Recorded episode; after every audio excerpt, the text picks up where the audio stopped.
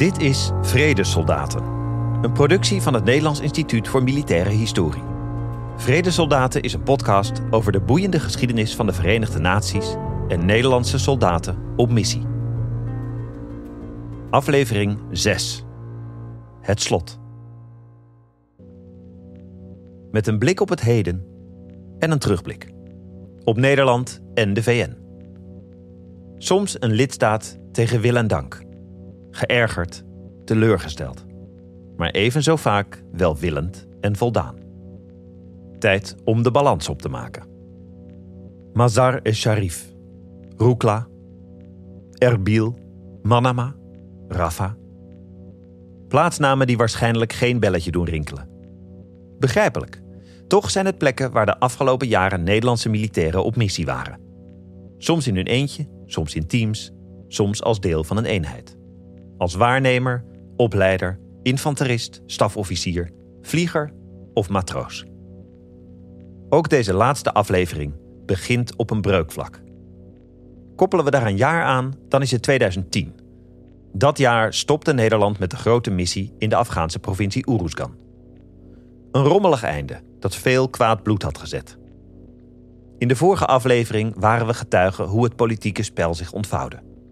Voor CDA en VVD was vooral één partij de gebeten hond: de PVDA. Maar na Uruzgan volgde toch nog onverwacht een nieuw initiatief. Een politietrainingsmissie in Noord-Afghanistan, in Kunduz. Dat bleek al snel een moeizame exercitie. Ook eentje die vroegtijdig werd afgebroken. Nee, de politieke schoonheidsprijs verdiende het allemaal niet. Maar ja, ophouden met de deelname aan vredesmissies, dat was eigenlijk geen optie. In het VN-hoofdkwartier te New York draaiden de diplomatieke raderen onverstoorbaar door.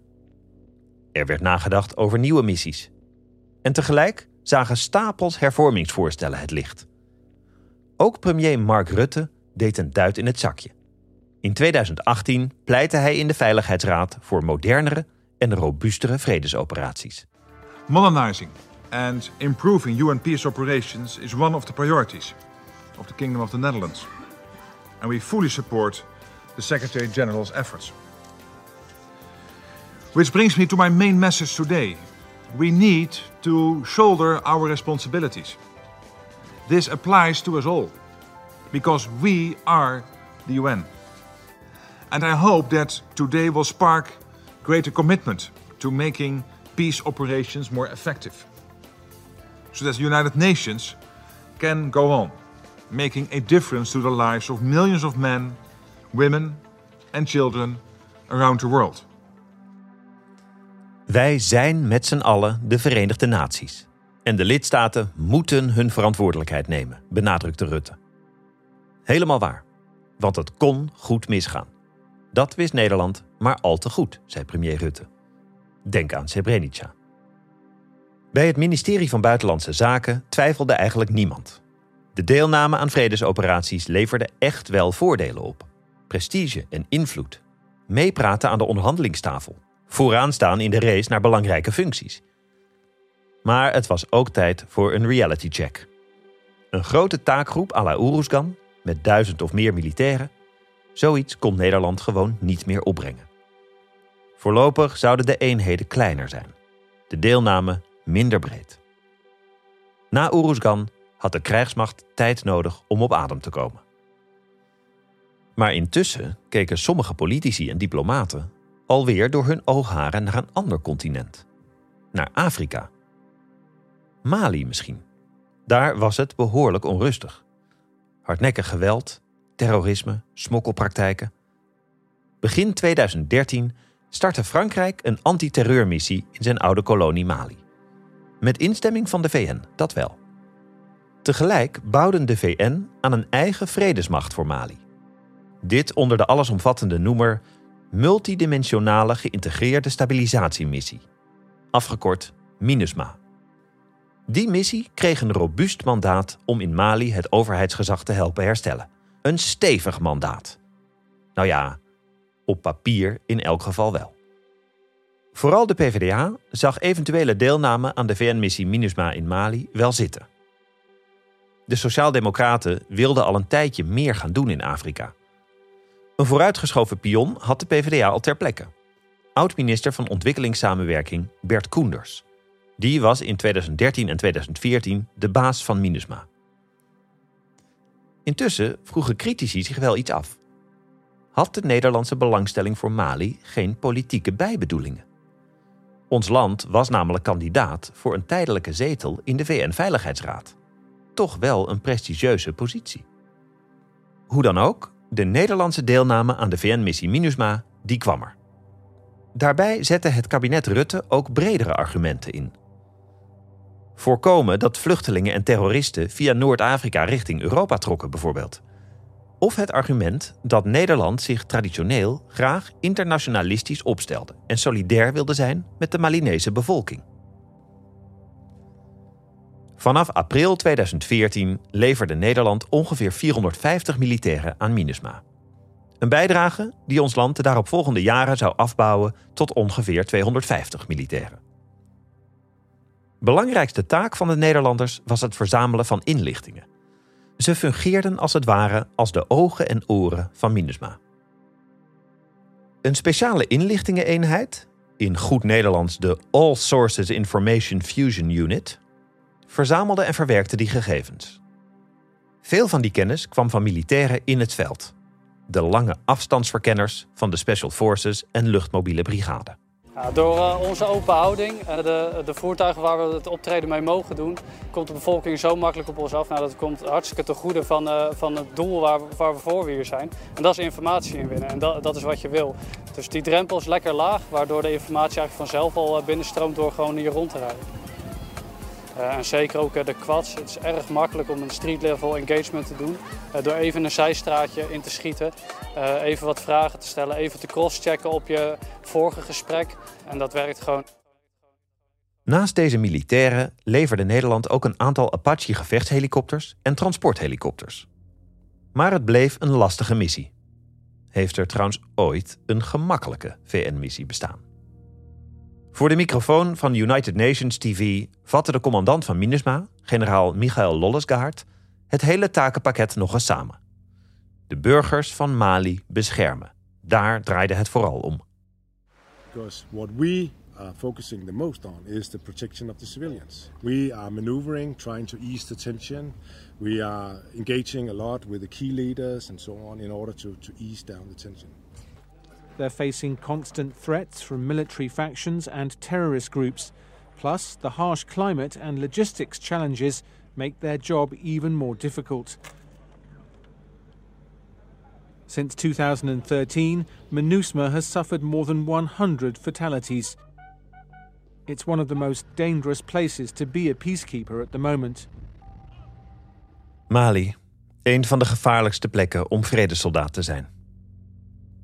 De commentator had gelijk, helaas. Eind 2020 was het dodental onder de peacekeepers in Mali al opgelopen tot 220. Een zware tol. Eén ding hing generaal Lollesgaard trouwens liever niet aan de grote klok. Tientallen landen droegen bij aan MINUSMA.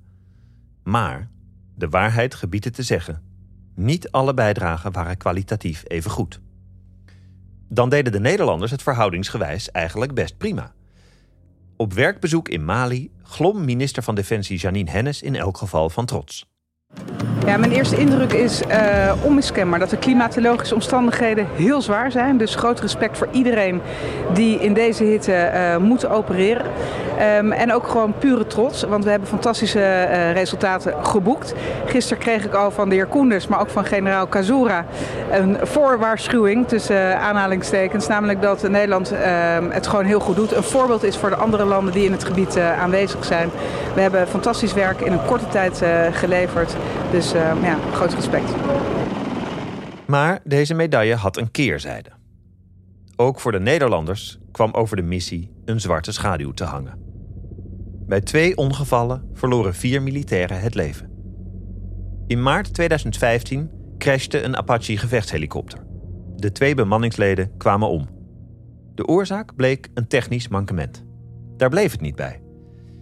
In juli 2016 kostte een mortierongeval twee doden en een zwaar gewonde. Een fatale explosie tijdens een oefening in de woestijn. Corporaal Kevin Kuiper was getuige. Vlak voor het projectiel in de buis verdwijnt, steek ik twee vingers in mijn oren. Maar de knal die dan volgt, is vele malen luider dan wanneer een granaat op normale wijze het mortier verlaat. De lucht siddert. Door de drukgolf word ik naar achteren geslagen. Ik wankel, maar ik kan me nog net staande houden. Half verdoofd loop ik naar de plek waar ik een paar minuten eerder zelf nog stond. Bij het mortier. Twee kameraden dood. En ietsje verderop ligt Mike. Zwaar gewond. Hij kermt van de pijn. Schreeuwt om hulp. Natuurlijk was de verslagenheid groot. In Nederland ging de Onderzoeksraad voor Veiligheid aan de slag. Wat was er misgegaan? De conclusies waren niet mals. Keer op keer waren veiligheidsvoorschriften genegeerd. De granaten werden in Kidal opgeslagen in niet gekoelde containers, waardoor deze aan te hoge temperaturen zijn blootgesteld. In de fatale granaat was bovendien vocht binnengedrongen. Uit het onderzoek door de Raad blijkt met aan zekerheid grenzende waarschijnlijkheid dat door de combinatie van vocht en warmte in de granaat zeer gevoelige explosieve stoffen werden gevormd. Tijdens de oefening was de fatale granaat warm geworden in de zon. Door de schok van de lancering brachten de gevormde explosieve stoffen de ontsteking op gang. Het afsluitplaatje bleek niet in staat om doorslag in veilige stand te voorkomen, waarna de granaat explodeerde. Lag dat verzuim aan een te hoge tijdsdruk? Nee, vond de onderzoeksraad. Er was genoeg tijd geweest om de granaten te controleren. Niet alleen dat, ook de medische zorg voor de zwaargewonde militair was ondermaats geweest. Hij was na het ongeval naar een Togolees VN-hospitaal in Kidal gebracht. Bij de behandeling van ernstige verwondingen zijn de juiste medische voorzieningen in de eerste uren van essentieel belang. De aanwezige medische voorzieningen in Kidal voldeden echter niet aan de Nederlandse militaire richtlijnen. Ook ontbrak het aan gedegen toetsing en toezicht vanuit de defensieorganisatie. Twijfels die werden geuit binnen de defensieorganisatie vonden geen weerklank. Ook het ongeval tijdens de mortieroefening was voor Defensie geen aanleiding om de medische voorzieningen te evalueren. De inrichting van veilige medische zorg voor Nederlandse militairen in Kidal is ondergeschikt geraakt aan de voortgang van de missie. Keihard, dat waren de conclusies van de onderzoeksraad. In feite, meende de raad, was de veiligheid van militairen ondergeschikt gemaakt aan het doorgaan van de missie in Mali. Zulke vernietigende conclusies moesten wel een pittige discussie over politieke verantwoordelijkheden losmaken. Een discussie die niet zonder gevolgen bleef. In oktober 2017 zette minister van Defensie Janine Hennis deze stap. Voorzitter, ik stel vast dat op verschillende momenten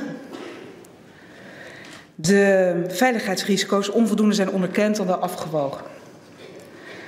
Ik stel vast dat op verschillende momenten menselijk handelen en niet handelen tezamen de context hebben gevormd voor de tragische gebeurtenissen waarbij twee van onze militairen zijn omgekomen en een derde militair zwaar gewond is geraakt. En voorzitter, dat is onverteerbaar. En hiervoor ben ik politiek verantwoordelijkheid. Verantwoordelijk. En die verantwoordelijkheid neem ik. Ik neem hem ten volle. Voorzitter, de afgelopen jaren heb ik steeds naar eer en geweten gehandeld. Heb ik met hart, ziel en zaligheid gediend op defensie. Maar het stopt hier vandaag. Ik stop als minister van Defensie en ik zal zijn majesteit de koning dan ook verzoeken om mij met onmiddellijke ingang ontslag te verlenen. Trouwens, minister Hennis was niet de enige die aftrad. Ook de hoogste militair vertrok. Commandant ter strijdkrachten generaal Tom Middendorp. Volgens Middendorp was er te veel twijfel ontstaan over zijn bereidheid om de politiek voldoende tegendruk te geven bij de uitvoering van missies. Maar met het vertrek van Hennis en Middendorp ging de storm rond Mali nog niet liggen. In de zomer van 2018 deelde een nieuw rapport eveneens harde tikken uit. Feitelijk kon Defensie de missies in het buitenland niet meer verantwoord aan, concludeerde de Algemene Rekenkamer. In Nederland werden eenheden kaalgeplukt om missies piepend en krakend te kunnen voortzetten.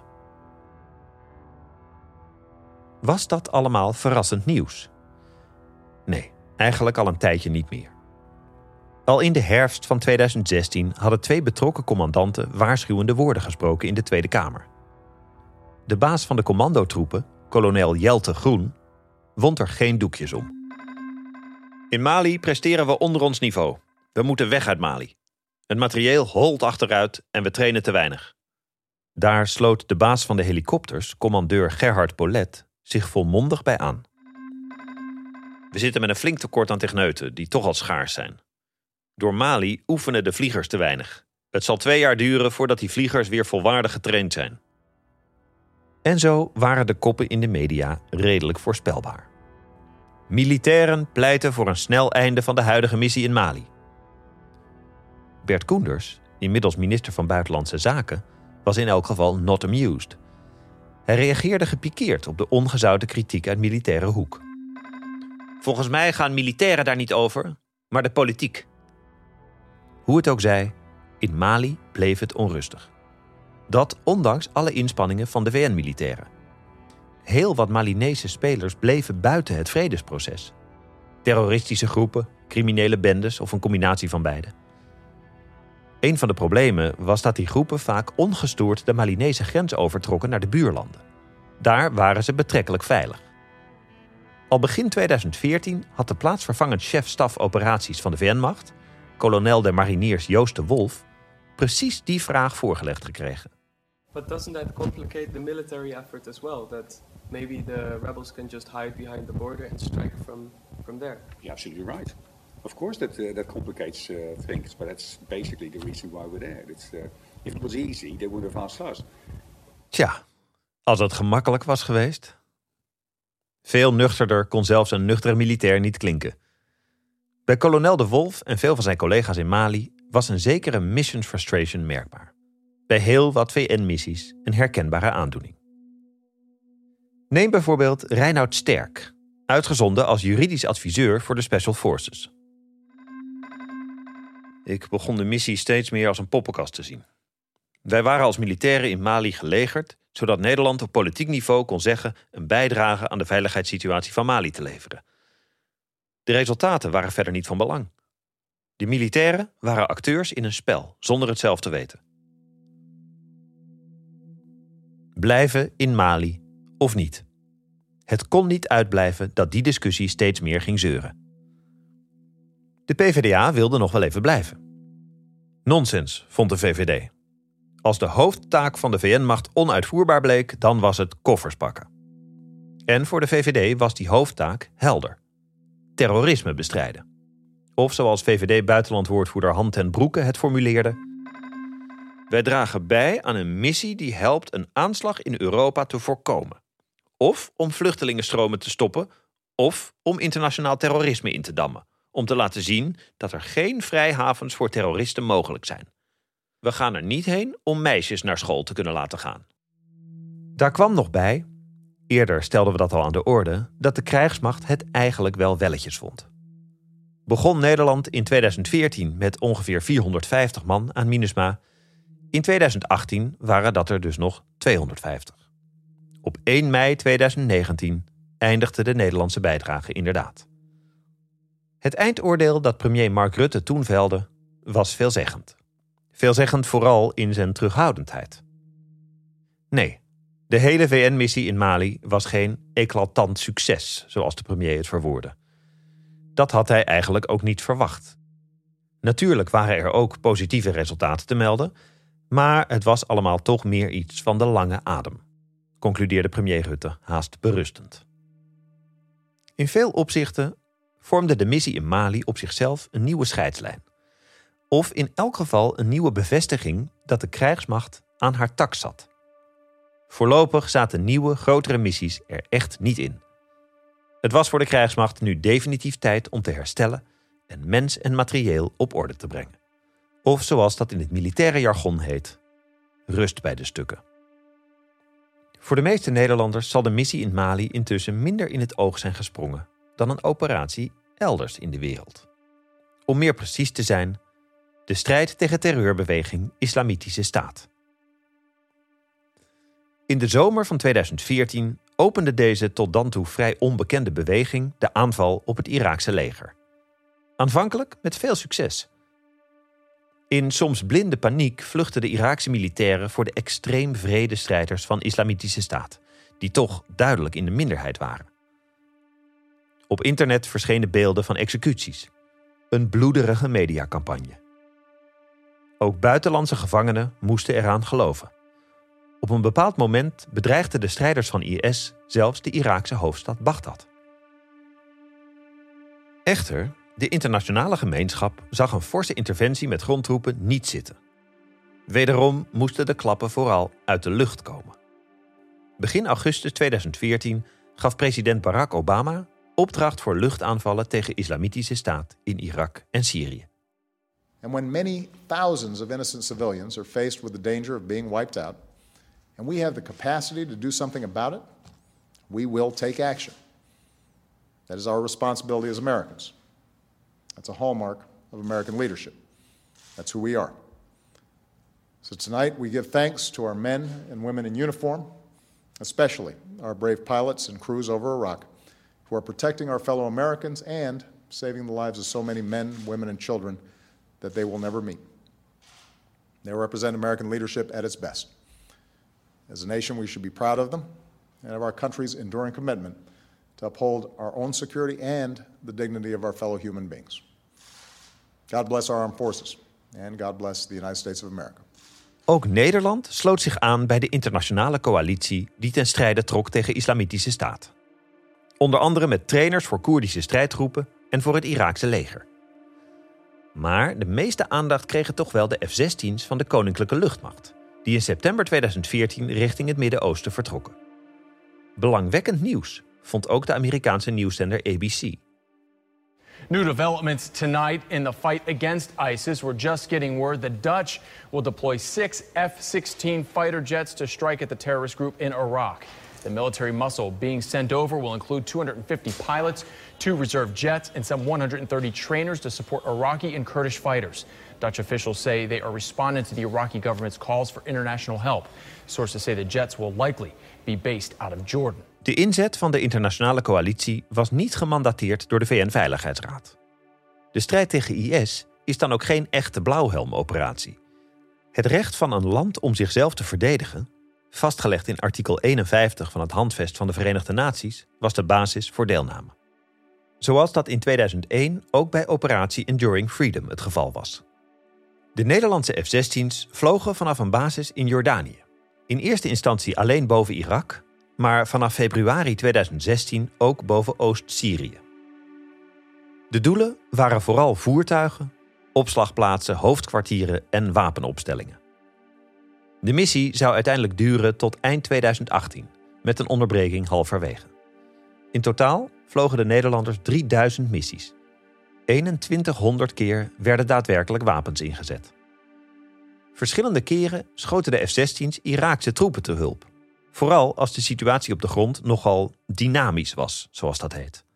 Binnen enkele minuten komt hij met verzoek: oké, jullie moeten een aanval uitvoeren, um, want de Irakezen zijn aan het verliezen en ze gaan dit dorp hun positie, hun stellingen verliezen en, en, en, en beginnen doden te vallen.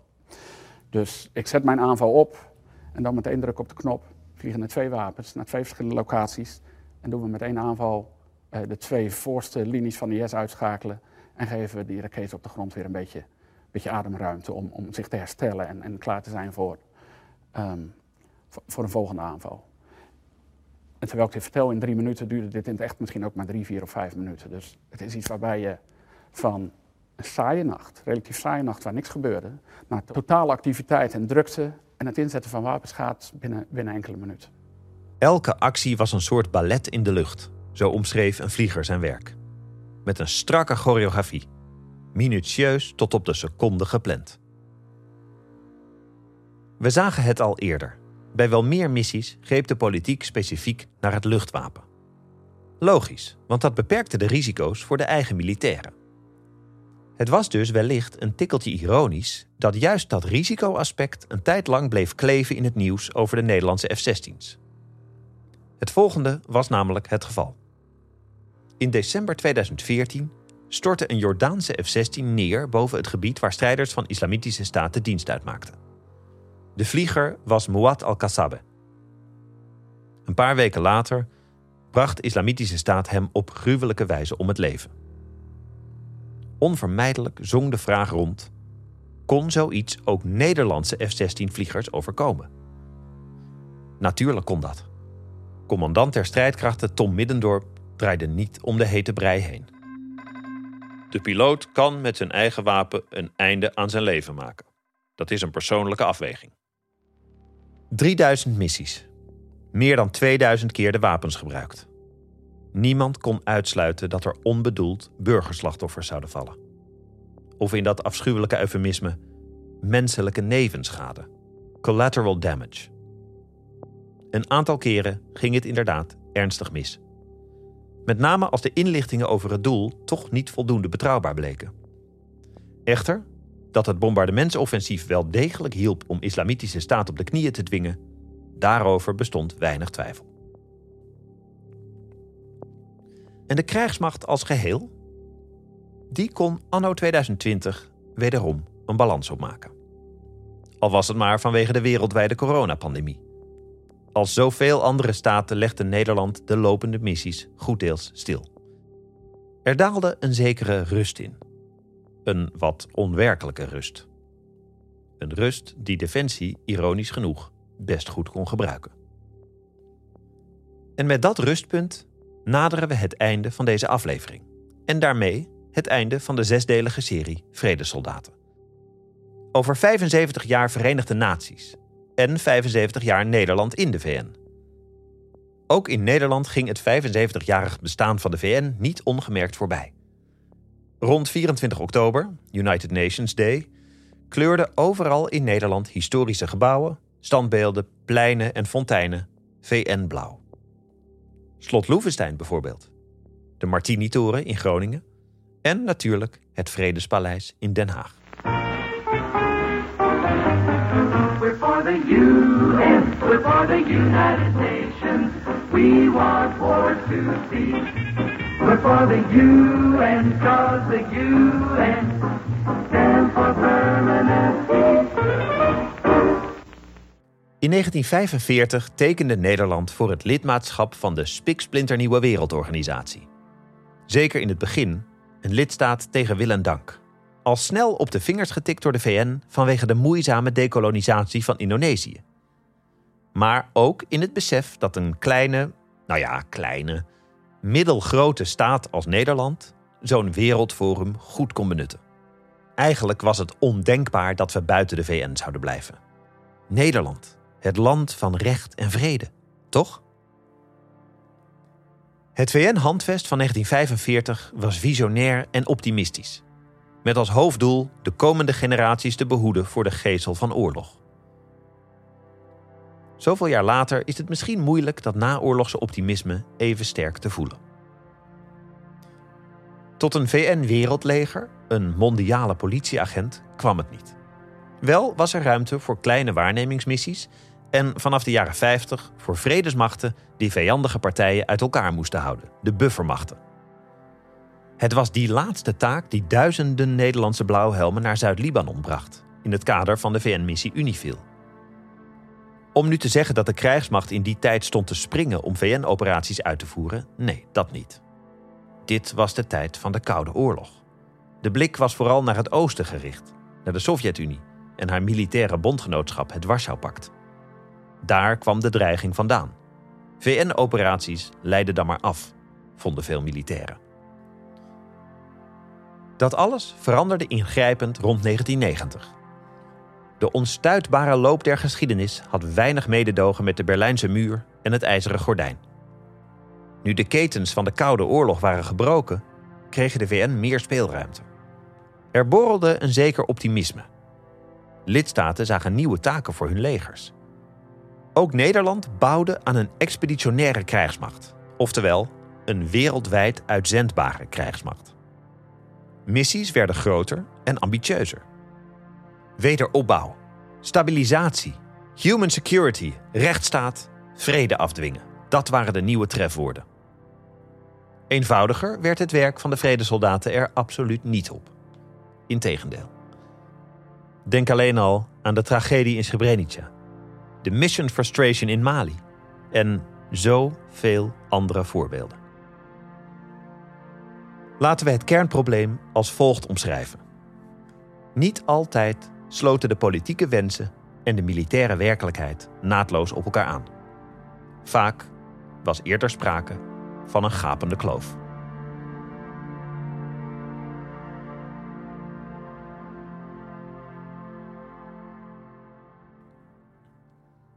Toch hebben de vredessoldaten hun waarde bewezen.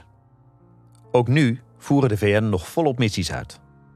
In 2020 zo'n 15 in totaal, met vele tienduizenden militairen. Onderzoek toont aan dat vredesmissies wel degelijk effect sorteren en mensenlevens redden. Dat is wellicht veel minder dan waar in 1945 op gehoopt werd.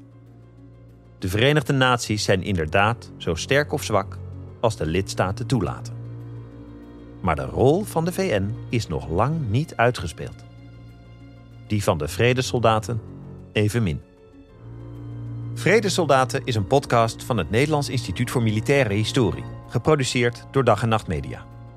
De serie kwam tot stand met steun van het DOSCO Ontwikkelfonds en werd gemaakt door de volgende mensen.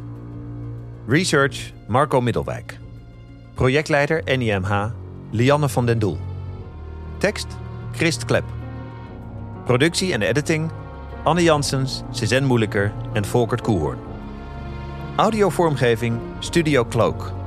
Mijn naam is David Lucier. Dank voor het luisteren.